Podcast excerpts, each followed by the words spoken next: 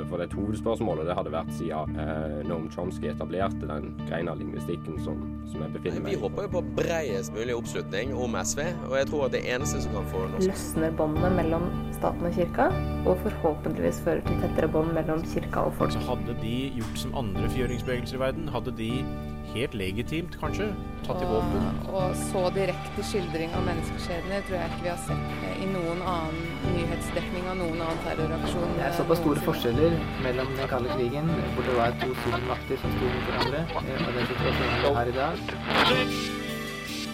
Du hører på samfunns- og aktualitetsmagasinet Opplysningen 99,3 på Radio Nova. Opplysningen 99,3 på Radio Nova. Hvordan jobber man for en sak som er ulovlig og potensielt farlig for en selv? Eli Ramsvik Melby dro til Marokko for å studere LHBT-aktivister, og kommer til oss for å fortelle om sine funn.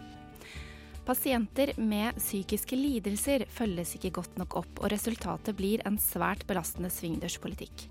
Det mener en mamma som skriver at hun er sliten, frustrert og forbanna på et system som svikter. P-stasjon ha en innvirkning på den enkelte nordmanns selvfølelse og identitet. De sliter, og de har ikke råd til å betale eh, markedspriser for, for, gassen. Akkurat nå hører du på Radio Novas samfunns- og aktualitetsmagasin, Opplysningen 99,3. God formiddag og velkommen til Opplysningen 99,3 fredag 26.1.2018. Mitt navn er Nicole Aurdal, og det er jeg som skal følge med deg denne formiddagen. Marokko er et land som er kjent for politisk undertrykkelse av lesbiske, homofile, bifile og transseksuelle, gjerne forkortet LHBT. Den finnes en lov mot homofili, og det er heller ikke organisasjonsfrihet i landet. Men det finnes de som kommer sammen for å arbeide for sine rettigheter til å leve ut sin seksuelle identitet. I 2016 dro Eli Ramsvik Melby til Marokko for å gjøre feltarbeid i organisasjonen Group in Defense of Minorities, en av de få organisasjonene i Marokko som kjemper for LHBT-rettigheter. Feltarbeidet i organisasjonen resulterte i masteroppgaven Identity Struggles, LHBT Activism in Marokko, som i høst mottok Våg å vite-prisen ved Institutt for sosiologi og samfunnsgeografi på Universitetet i Oslo. Velkommen til deg, Eli Ramsvik Melby, og gratulerer med utmerkelsen. Hei, hei, tusen takk. Aller først, hvorfor valgte du å skrive en masteroppgave om LHBT-aktivister i Marokko? Eh, det var fordi at jeg hadde allerede jobba der tidligere. Jeg hadde vært praktikant på ambassaden i Marokko, eh, og gjennom arbeidet mitt så ble jeg kjent og privat så ble jeg kjent med en del av de menneskene som jobba i den organisasjonen. Så jeg ble veldig interessert i den eh, jobben de gjorde. Og hadde egentlig allerede da bestemt meg for at eh, OK, hit vil jeg komme tilbake og skrive og studere.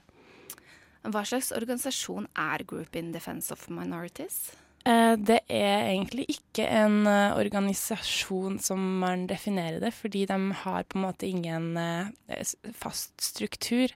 Det er en gruppe mennesker som har bestemt seg for å gå sammen for å prøve å bekjempe den lovgivninga i Marokko som da straffer homoseksuell aktivitet.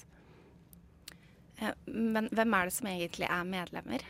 Eh, nei, jeg eh, kan jo på en måte ikke si så mye om det, fordi eh, etisk sett så må man jo passe på anonymisering osv. Så, videre. så GDM i seg sjøl er jo et pseudonym. Eh, men det er en gruppe mennesker, det er elleve personer, og de er mellom 20 til 35 år. Og er ganske godt utdanna, og har, en del av dem har jobb. Og noen har dratt eh, i eksil til utlandet fordi de ikke kan lenger bo i landet.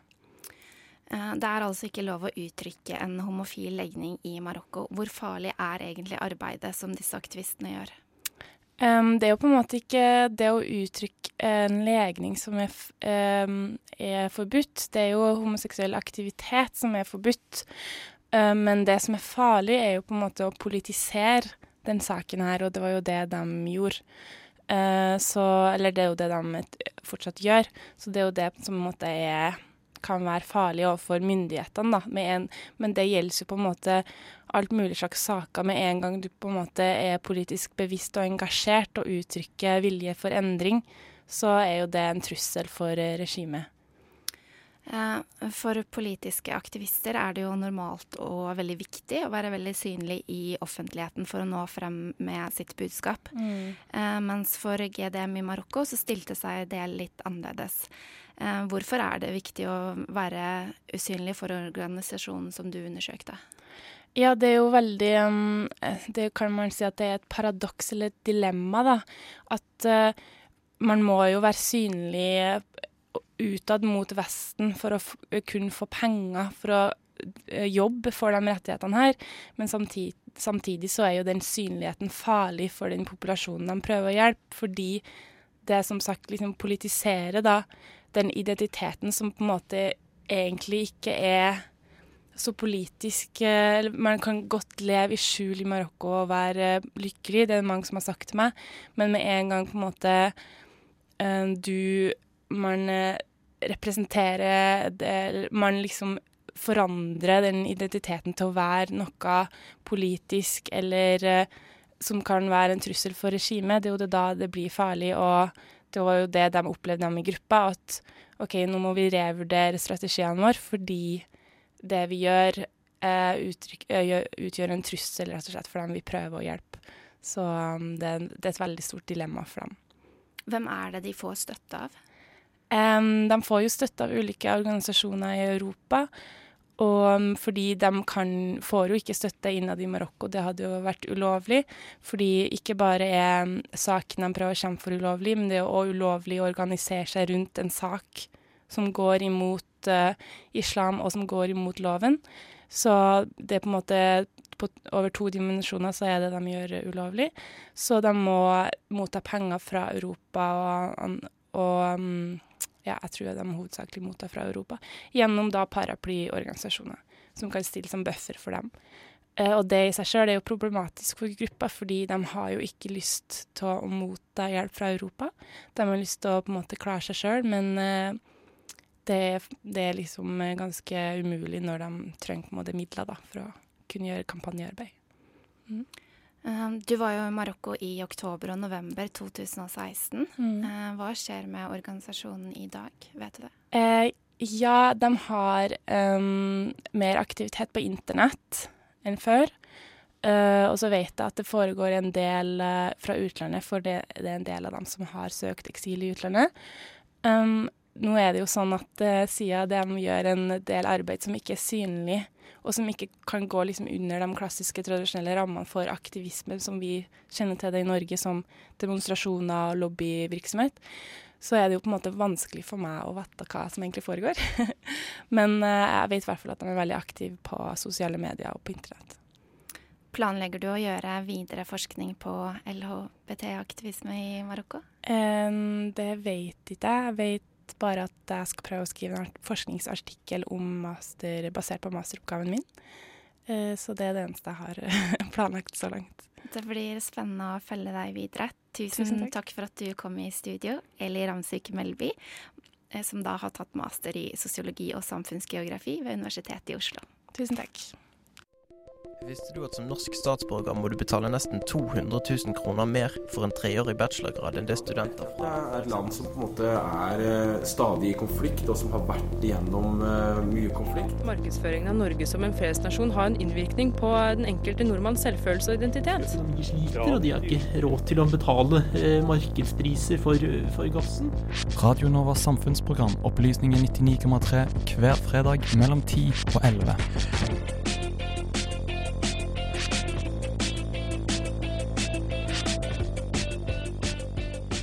Psykisk helse har de siste årene stått på den politiske dagsorden, og en forbedring av helsetilbudet til pasienter med psykiske lidelser har vært en prioritet for politikerne. Men hvor langt har vi egentlig kommet, og hvordan står det til med den norske psykiatrien i 2018? Med oss på telefon er du, Elin Jensen. Du er mor og pårørende til en, din 35 år gamle sønn som har slitt med en ROP-lidelse, altså rus og psykiatri, i mange år. Og eh, den 12. januar skrev du leserinnlegget 'Psykiatri 2018 hva skjer da?' Hvorfor valgte du å skrive det innlegget? Eh, det var fordi jeg var ganske frustrert og lei.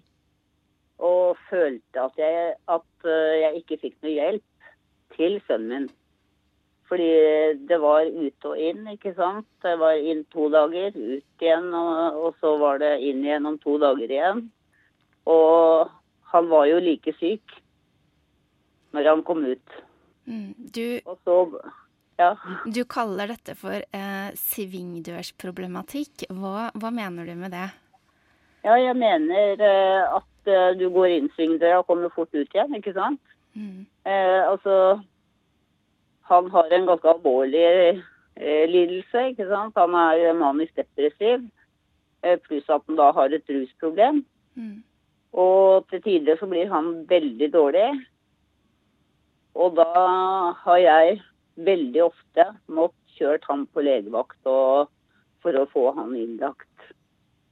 Og så er, kommer han kanskje inn da, og så går det et par dager, så er han ute igjen. Og så går det to-tre dager, så oppsøker han selv eh, Blakstad sykehus for å få hjelp. Og da får han beskjed at du må kontakte lege, legevakt, for å eventuelt bli lagt inn igjen. Og når han er så dårlig, ikke har han penger, ikke kanskje telefonen, ikke sant. Og eh, altså, hva skal man gjøre da? Gå fra Blakstad til Bærum sykehus for å Altså, det, det er så vanskelig, for, og han oppsøker jo meg. For jeg er jo den nærmeste han har, kan du si. Han har ikke søsken. Faren døde for 23 år siden. Så jeg syns det jeg, jeg, jeg skjønner ikke hvorfor de ikke kan få være inne til de er blitt medisinert og noenlunde rolig og, og kan greie seg litt hjemme. da. Mm. Du avslutter leserinnlegget ditt med å skrive Er det noen i helsevesenet som forstår at pårørende blir slitne og frustrert av dette Shame on you, Helse-Norge? Og i studio sammen med meg, Kristian Kise Haugland, du, eh, så sitter du. Du er landsleder i organisasjonen Mental Helse. Velkommen. Takk for det. Eh, Dere jobber for økt åpenhet, bedre forebygging og behandling av psykiske helseproblemer. Kjenner du igjen de utfordringene Elin Jensen som pårørende beskriver? Ja, det gjør det så absolutt. Eh, og jeg vil jo først bare si at eh, jeg er så utrolig takknemlig for alle de fantastiske mødrene som finnes der ute. For det at de trenger vi så absolutt eh, for, å få, for, å få, den hjelpen vi trenger. Eh, Mental Helse er jo en organisasjon som først og fremst representerer pasientene. men vi ser jo at dette her er en problemstilling som er veldig typisk. den skyldes noe som i utgangspunktet har vært gode ideer. Altså at man ikke oppbevarer pasienter for lenge inne på institusjon fordi at den mer langsiktige behandlingen, tilpasningen til det å få et, et, liv, det bør skje ute der du skal leve livet. Eh, problemet med det er jo at når man da har bygd ned sengeplasser inne i psykiatrien, så har man ikke bygd opp det tilbudet som trengs for å skape et stabilt tilbud ute i kommunene. I tillegg så er det en del eh, pasienter som eh, blir veldig syk mange ganger. Uh, og som da hadde hatt veldig god nytte av å nettopp også kunne komme, troppe opp rett på en institusjon og få en seng med en gang. Uh, slik at man er i forkant av problemer som kanskje kan vokse seg og bli enda større. Uh, og det er et tilbud som man har begynt så vidt å prøve å bygge ut til en bitte liten gruppe med pasienter enkelte steder i landet. Det fungerer veldig bra. Altså, eh, har man det som kalles en brukerstyrt seng, en seng som er tilgjengelig på dagen hvis pasienten plutselig trenger den, så ser vi det at det er mindre behov for senger. For det at da kan pasientene sjøl vurdere å vente og se, og de har, eh, føler at de har en større kontroll på sitt eget liv og en større forutsigbarhet, som også fører hjelper på i tilfriskningen. Det skulle vi gjerne sett at var bygd ut i langt større grad. Ja, fordi Hvordan fortoner egentlig pasientforløpet seg når du har en psykisk lidelse som da ikke bare er et akutt tilfelle eller et enkelttilfelle, men hvor du er syk i mange år? Um, hvordan er den behandlingen egentlig, og hvem er det som har ansvar? Er det kommunen, er det spesialisthelsetjenesten? Ja, Det er der noe av problemet ligger. For et spesialisthelsetjenesten er bygd på en sånn måte at de skal behandle sykdom de skal ikke eh, Deres oppgave er ikke det som kalles rehabilitering. Altså det å eh, gjøre noen som har vært syk, eller som fortsatt er syk, men ikke er så kjempesyk at man skal inn til spesialisert behandling. Det er ikke spesialisthelsetjenestens oppgave å gjøre deg da i stand til å leve livet ute i kommunen. Det er kommunens oppgave. Eh, og det er der eh, kommunen har store utfordringer, for at eh, det er ikke tilført nok ressurser til den typen arbeid. Eh, det er ikke bygd opp nok kompetanse til den typen arbeid, og likevel så er da psykiatrien på sett og vis bygd ned. Eh, så det, det, som da gjerne skjer, det er at du eh, henvises, og så må du vente, og så blir du utredet, og så må du vente, og så får du beskjed om at du er en såkalt rettighetspasient, altså du har rett til spesialisert behandling. Så blir du behandlet, og så blir du overført til kommunen. Uh, og det er egentlig når du blir overført til kommunen at du skal begynne å jobbe med å bli frisk. Eh, og der er ofte ikke kommunen. Eh, og så blir du syk igjen. Og så du, slipper du vanligvis å gå gjennom hele den samme løypa igjen, men hvis det er akutt, så må du på legevakten og gjerne at det i det hele tatt må fattes et tvangsvedtak. Altså du må, du, må, du må, be om å bli tvunget til å legges inn eh, for å komme inn raskt nok, sånn at du har eh, eh en sengeplass. Eh, sånn at det der er et, et eh, system som er veldig vanskelig å forstå for en pasient eller en pårørende, fordi det virker ikke særlig intuitivt. Eh, og I tillegg så eh, skaper det eh, en del typiske sånne svingdørspasienter som går ut og inn, og som eh, kunne nok ha fått mye bedre behandling hvis de slapp å vente hver gang de skulle inn igjen, men det må de også. Hva tenker du at man skal gjøre for å få så gode pasientforløp som mulig? Nå, eh, det som er positivt, det er eh, at eh, nå har jo eh, myndighetene bestemt at det skal innføres såkalte pakkeforløp. Det er ikke forløp som bestemmer hvordan behandling skal gjennomføres, men det er noen minstekrav til tider og hvordan ulike tjenester skal samhandle.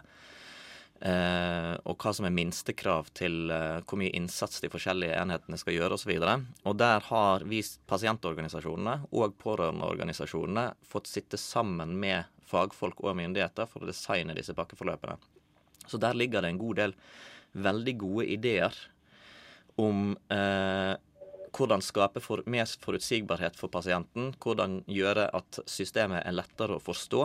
Gjøre selve systemet enklere. Og ikke minst eh, hvordan ha gode rutiner for hvordan spesialisthelsetjeneste, kommunehelsetjeneste og andre aktører skal samarbeide og ha riktig informasjon, slik at de kan gi de riktige tjenestene. Um, nå aner vi jo ikke hvordan det, det, kommer til å se ut når vi er ferdig på tegnebrettet og dette her skal rulles ut i tjenestene. Det er det som vi begynner å jobbe med nå. Men eh, jeg har sett at det ligger i hvert fall på tegnebrettet så ligger det noen veldig gode ideer som blir veldig spennende å prøve ut. Men hvor kan man henvende seg når man blir så sliten og frustrert som det ja, mammaer som Elin Jensen opplever å bli i møte med den norske psykiatrien?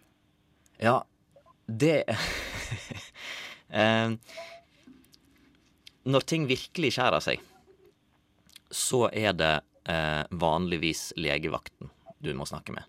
Eh, sånn, som, sånn, som, ting fungerer i Norge i dag, så er det sånn at vi skiller mellom det som kalles førstelinje, altså dit du kommer først, og som da sorterer behovene, og som sender videre til andre linje. Behandlingen ligger i andre linjen. Legevakten er førstelinje, og så har du selvfølgelig også eh, en del andre tjenester. Fastlegen er førstelinje, men hvis det haster, så bør du gå dra på legevakten. Eh, hvis det ikke haster veldig, så går det an å sende en bekymringsmelding til legen og be legen om å ta inn til en samtale. Eh, hvis man er litt yngre, så har man tilgang på skolehelsetjeneste, helsestasjon for barn og unge. Stu, eh, I studentbyene så har eh, studentsamskipnadene sine egne helsetjenester som studentene kan oppsøke. Det som er litt interessant der, det er at eh, hvis du er i begynnelsen av 20-årene, så kommer du gjerne raskere til behandling gjennom samordna opptak enn du gjør gjennom offentlige tjenester. For det å søke seg inn på et studie, få studieplass og dermed kunne oppsøke studenthelsetjenesten, går fortere. Um, vi løper snart ut for tid, men Elin Jensen, jeg har bare lyst til å spørre deg til slutt. Hva tenker du må til for at både pasienter og pårørende skal føle seg bedre ivaretatt av norsk psykiatri? Nei, jeg tror i hvert fall at uh, når de kommer tilbake til eh, leiligheten sin og i kommunen, at uh, det burde vært mye tettere oppfølging, for det første. Og altså, jeg jobber i praktisk bistand i Asker kommune, og vi har mange med samme lidelser som min sønn, som bor hjemme, og som da kanskje heller ikke har boevne, ikke sant? Mm. Og de har ikke noe nettverk. Altså det, altså det er mange dårlige. Altså Sønnen min er én ting, men det er ganske mange andre der ute som også kanskje burde hatt litt mer hjelp. Ja, så Og da, det mangler Altså, det er ikke samarbeidet nok ute i kommunen mellom de forskjellige Altså, det burde vært mye mer tverrfaglig. mm. Det får bli siste ord. Tusen hjertelig takk for at du var med og delte din historie, Elin Jensen. Og takk til deg, Kristian eh, Kise Haugland fra Mental Helse. Det er jo klart for de fleste at noe, noe er galt med verdensøkonomien. Alvorlig galt. First thing I, I went into prison, a young man, and I got out of it a very old man. Du hører på Opplysningen 99,3 på Radio Nova. Det var eh, denne ukens sending. Eh, Tekniker har vært Gyrid Edland. Medvirkende til ukas sending har vært Kristine Dammen og Marie Kruse Lien. Med oss på telefon var Elin Jensen. I studio satt Eli Ramsvik Melby og Kristian Kise Haugland. Programleder for denne sendingen var Nicole Aurdal. Opplysningen er tilbake neste fredag, og med det ønsker jeg deg en god helg.